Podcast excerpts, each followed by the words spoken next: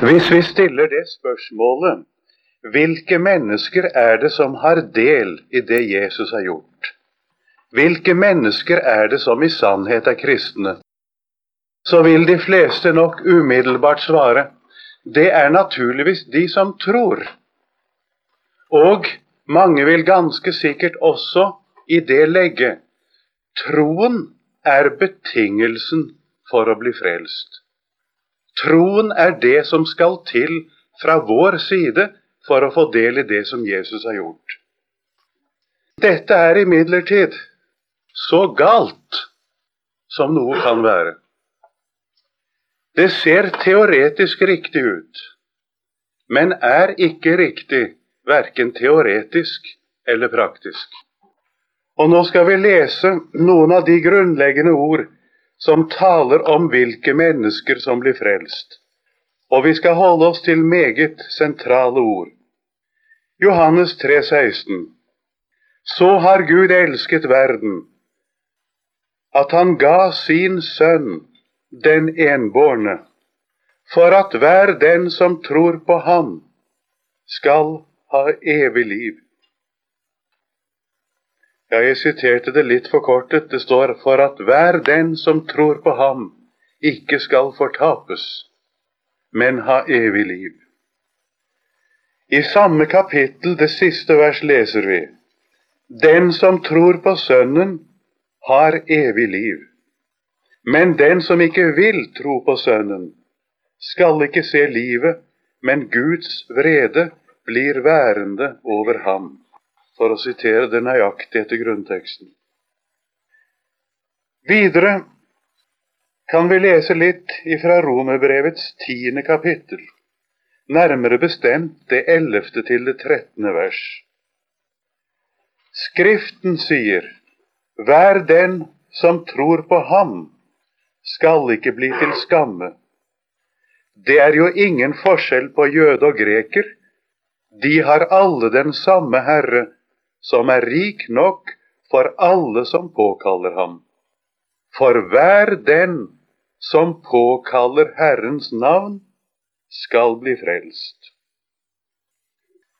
Hva er egentlig det grunnleggende, det avgjørende, i disse ordene og mange andre slike ord som vi kunne nevne fra Skriften?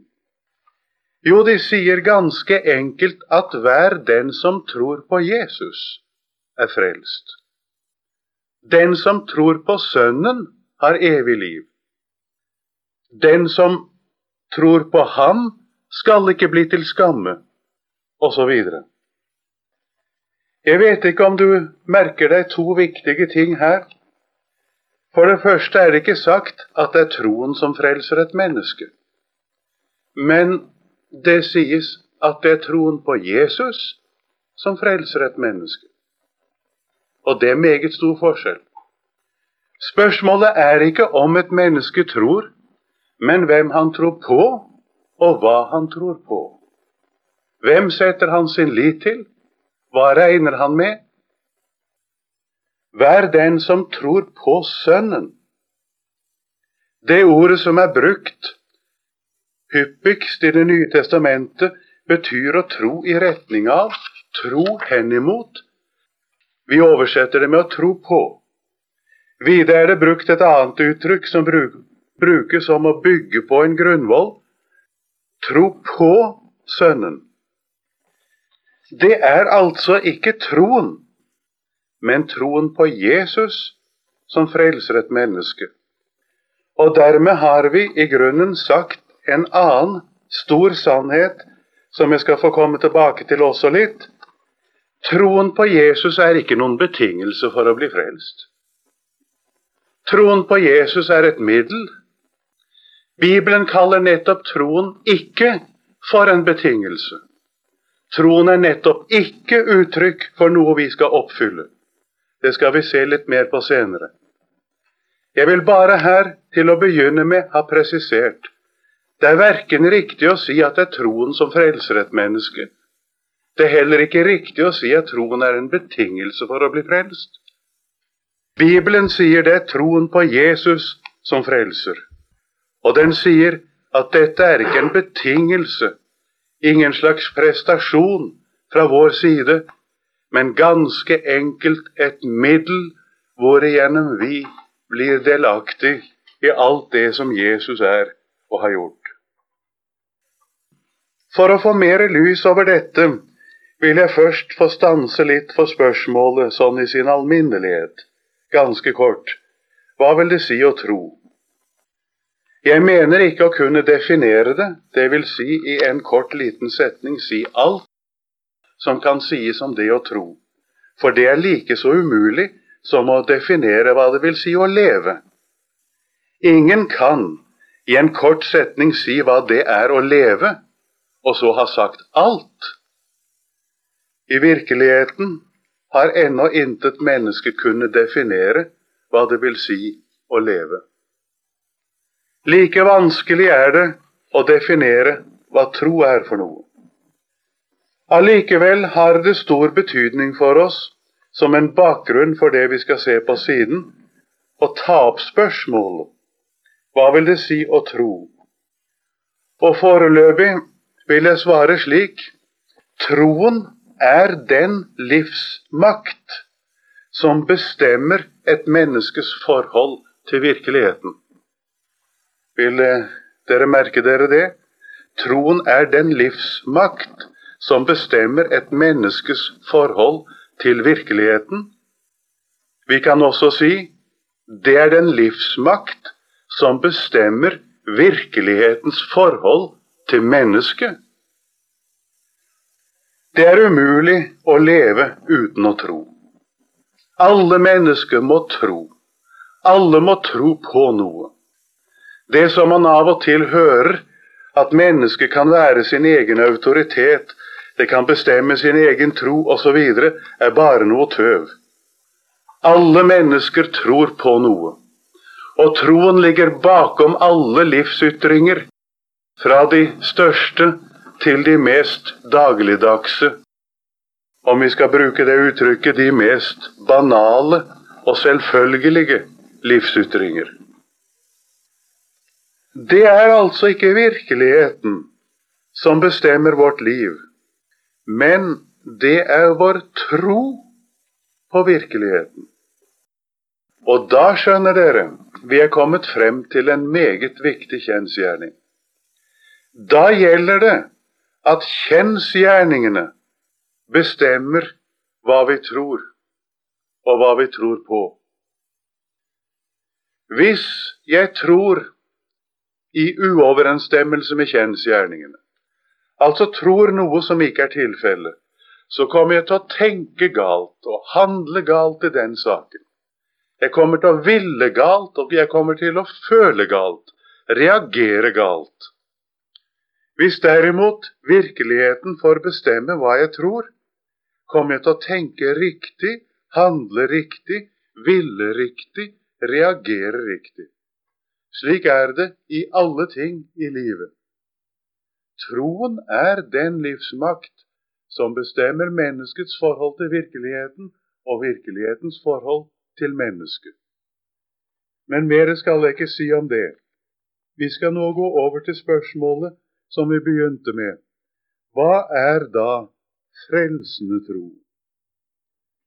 Som vi har sett, vi har sett karakteriserer Guds ord den frelsende tro med disse ord Den som tror på Jesus.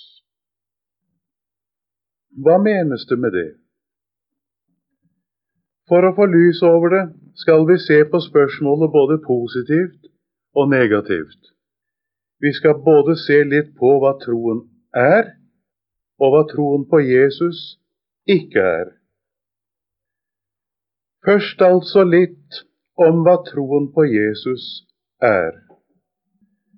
Den beste måten å få lys over det på, er å stanse for hva Guds ord sier om troen, der det ikke akkurat kalles for tro. Hele Skriften er full av slike ord.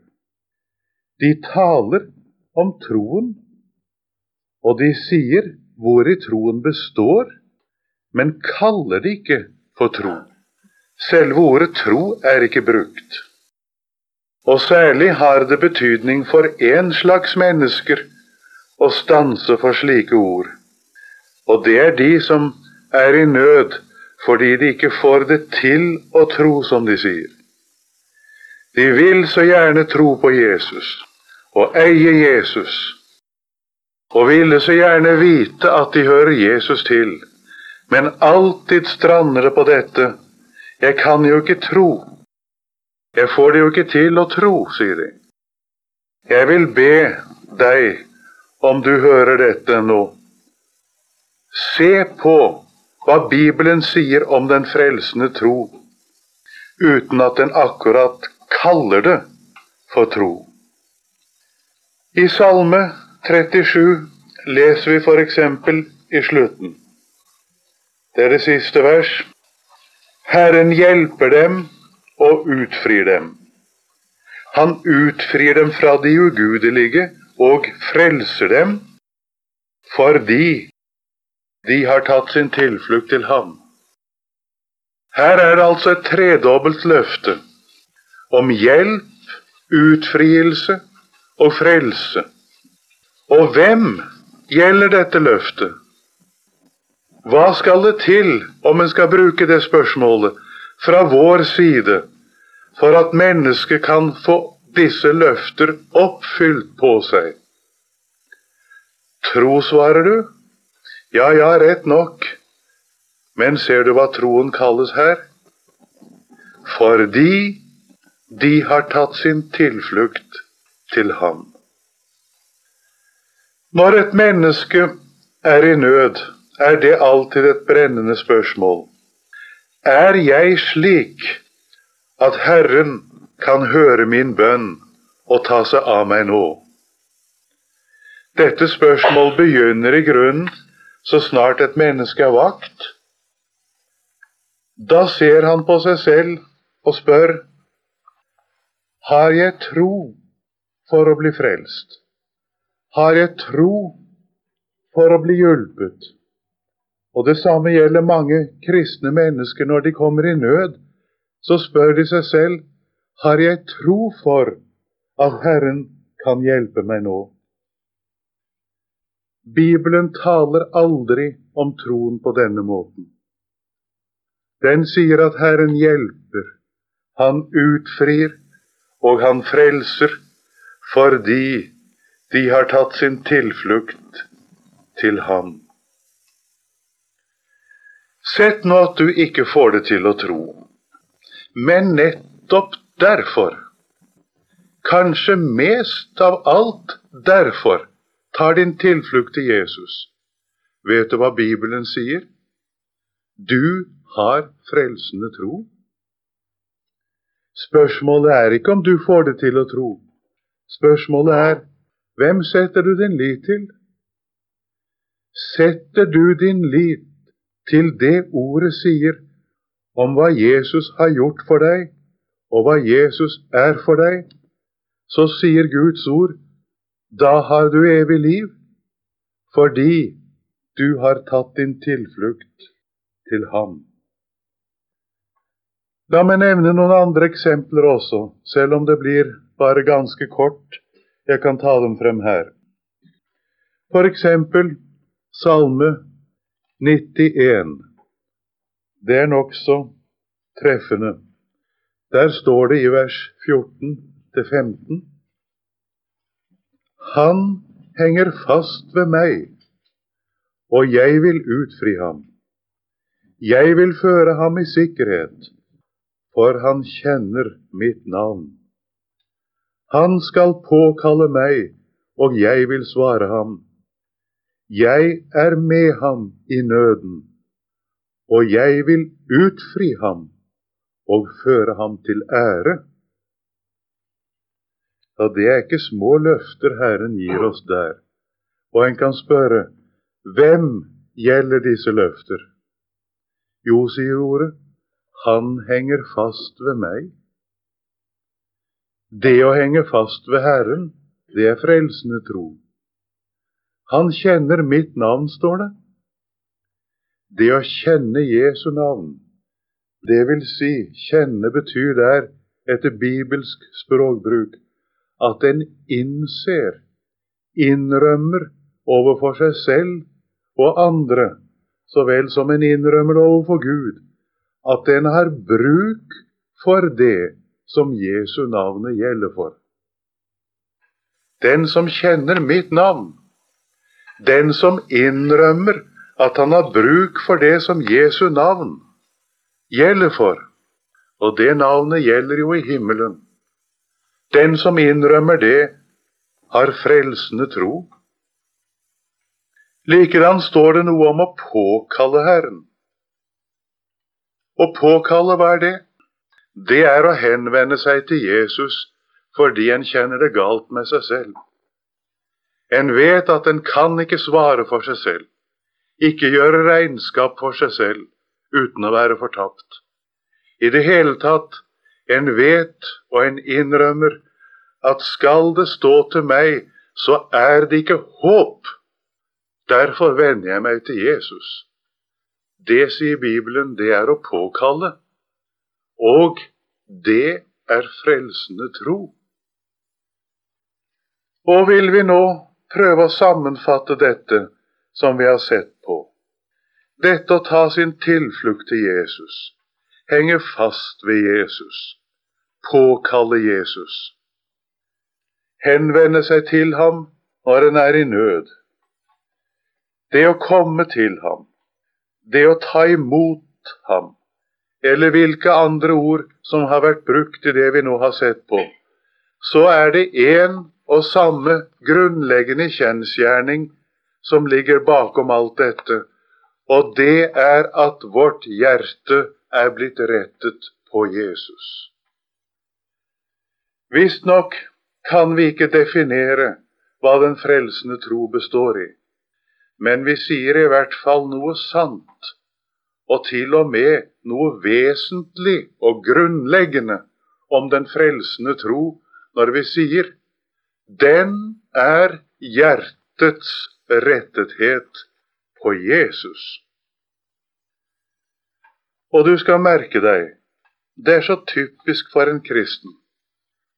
Kommer han i nød, så henvender han seg til Jesus før han har tenkt på det. Er han glad for noe, takker han Jesus før han har reflektert over det. I alle ting blir det slik for en kristen. Han vender seg til Jesus.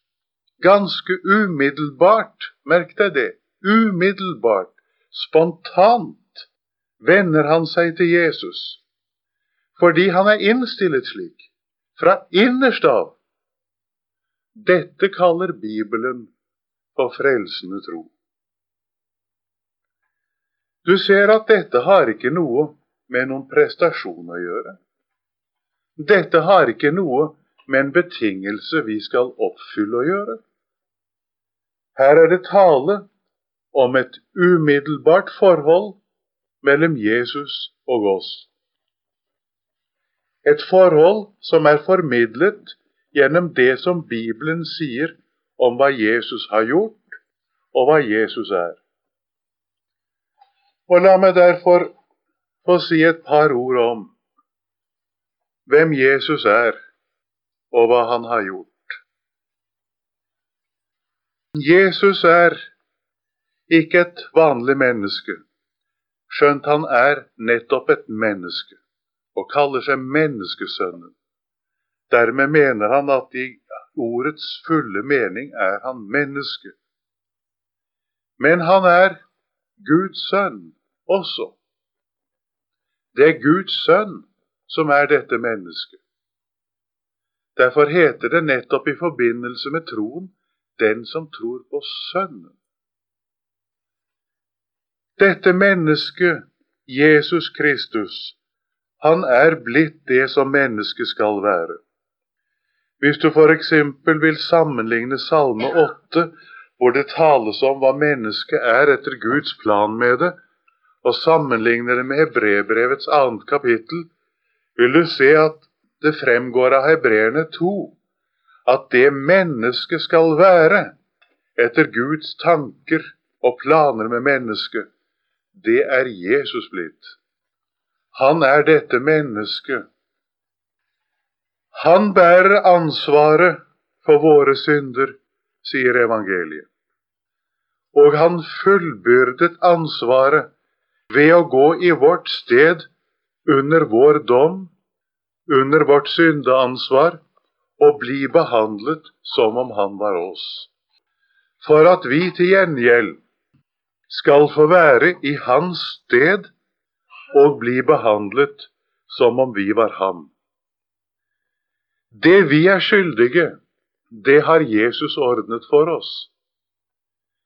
Det som Jesus alene som Guds sønn har rett til, det har vi fått til odel og eie i et testamente der Gud har testamentert sin egen sønn med rettigheter og herligheter til en syndig og fallen menneskeslekt.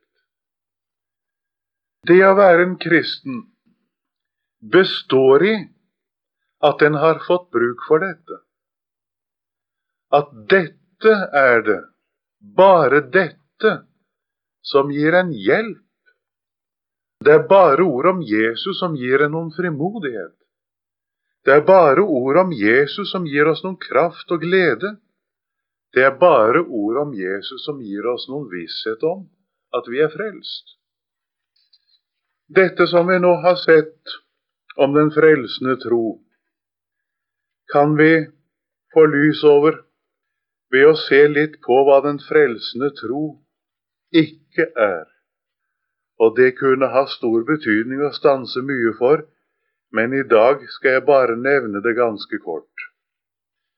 Av det vi har snakket om, vil du forstå at den frelsende tro ikke er det samme som å holde for sant. I og for seg er det en god ting, ja, en nødvendig ting, at man holder det for sant som Bibelen sier om Jesus. Men den frelsende tro består ikke i å holde det for sant. Å holde for sant er ikke så vanskelig, men det å stole på det, det er vanskelig. Det føles vanskelig. Det føles som en risiko. Men nettopp det at en ikke kan nøye seg med å holde det for sant, viser at troen er blitt en hjertets sak.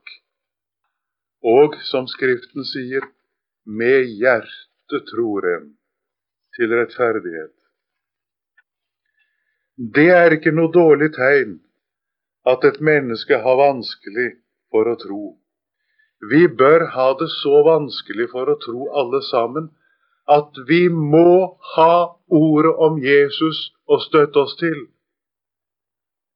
Det skal være slik med oss at vår tro består i og med at vi ser på Jesus i Ordet. Videre skjønner du at den frelsende tro ikke er det samme som å ha tro for å søke hjelp hos Jesus.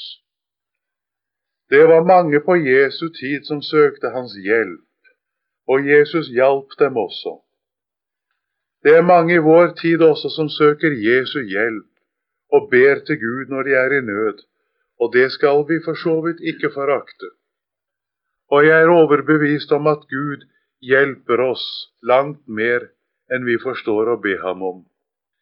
Men allikevel, vi ser med mange av dem som fikk Jesu hjelp, at de hadde ikke bruk for Jesus selv.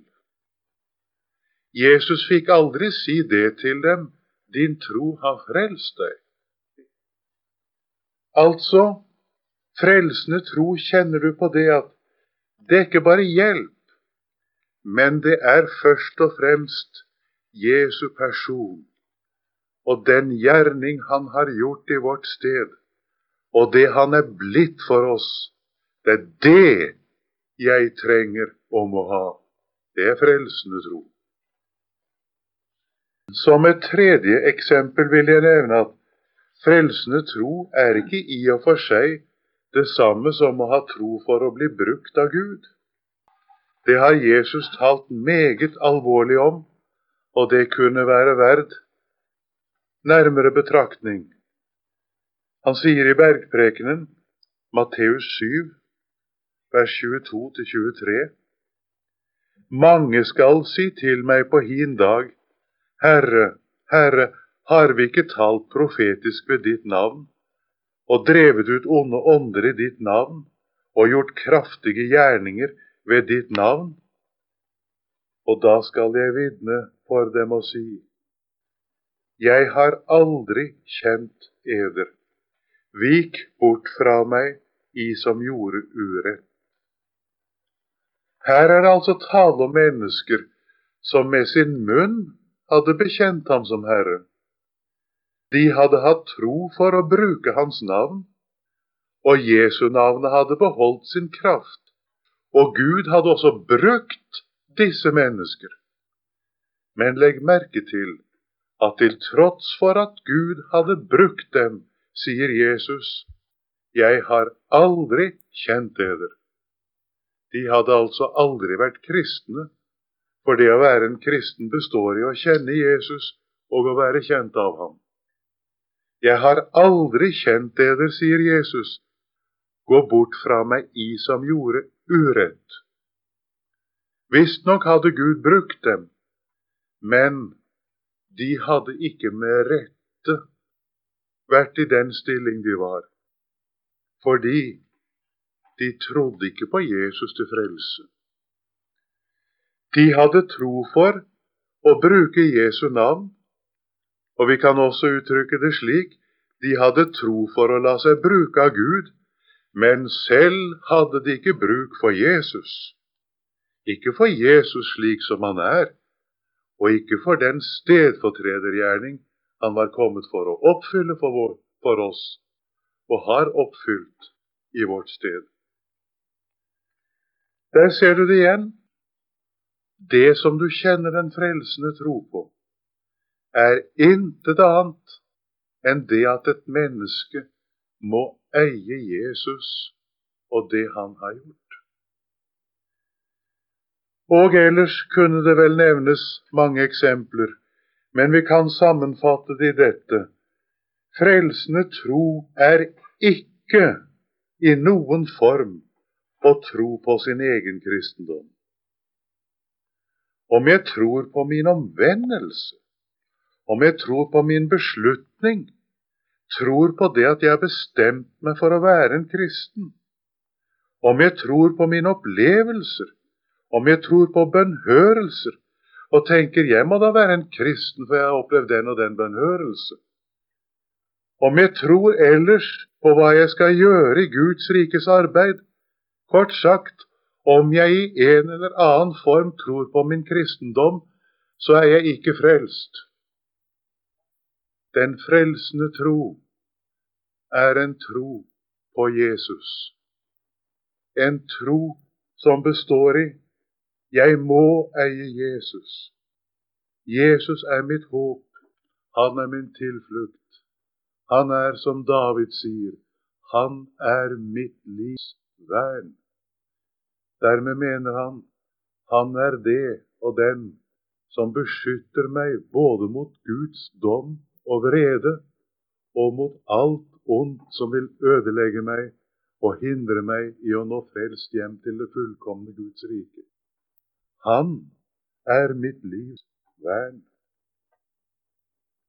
Og dermed kan vi da avslutte disse betraktninger ved å nevne et par kjensgjerninger i tilknytning til det vi har sagt.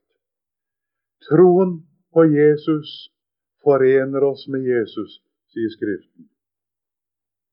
Bli i meg, så blir jeg i eder. Og det står i 1. Johannes brev i det tredje kapittel, det er vers 23-24. Og dette er hans bud, at vi skal tro på Hans Sønn Jesu Kristi navn, og elske hverandre således som Han bød oss. Og den som holder Hans bud, det vil si tror på Jesu navn, han blir i ham, og han i ham. Og i 1. Johannes 5 står dette ordet. Den som tror på Guds sønn, har vitnesbyrde i seg selv. Det som du tror på, det har du, sier Luther. Setter du din lit til ord om Jesus, da eier du det som ordet forkynner. Det var også dette Jesus henviste Nikodemus til. Og dermed kom jeg til det aller siste. Troen kommer av at du hører. Det står i Romerne 10, 17. Troen kommer ved hørelsen, og hørelsen skjer ved Jesu ord. Troen på ham kommer av at du hører om ham. Se på ham i ordet. Regn med ham. Så blir det slik som ordet sier, den som tror på Sønnen, har evig liv. Den som tror på ham, skal ikke bli til skamme. Amen.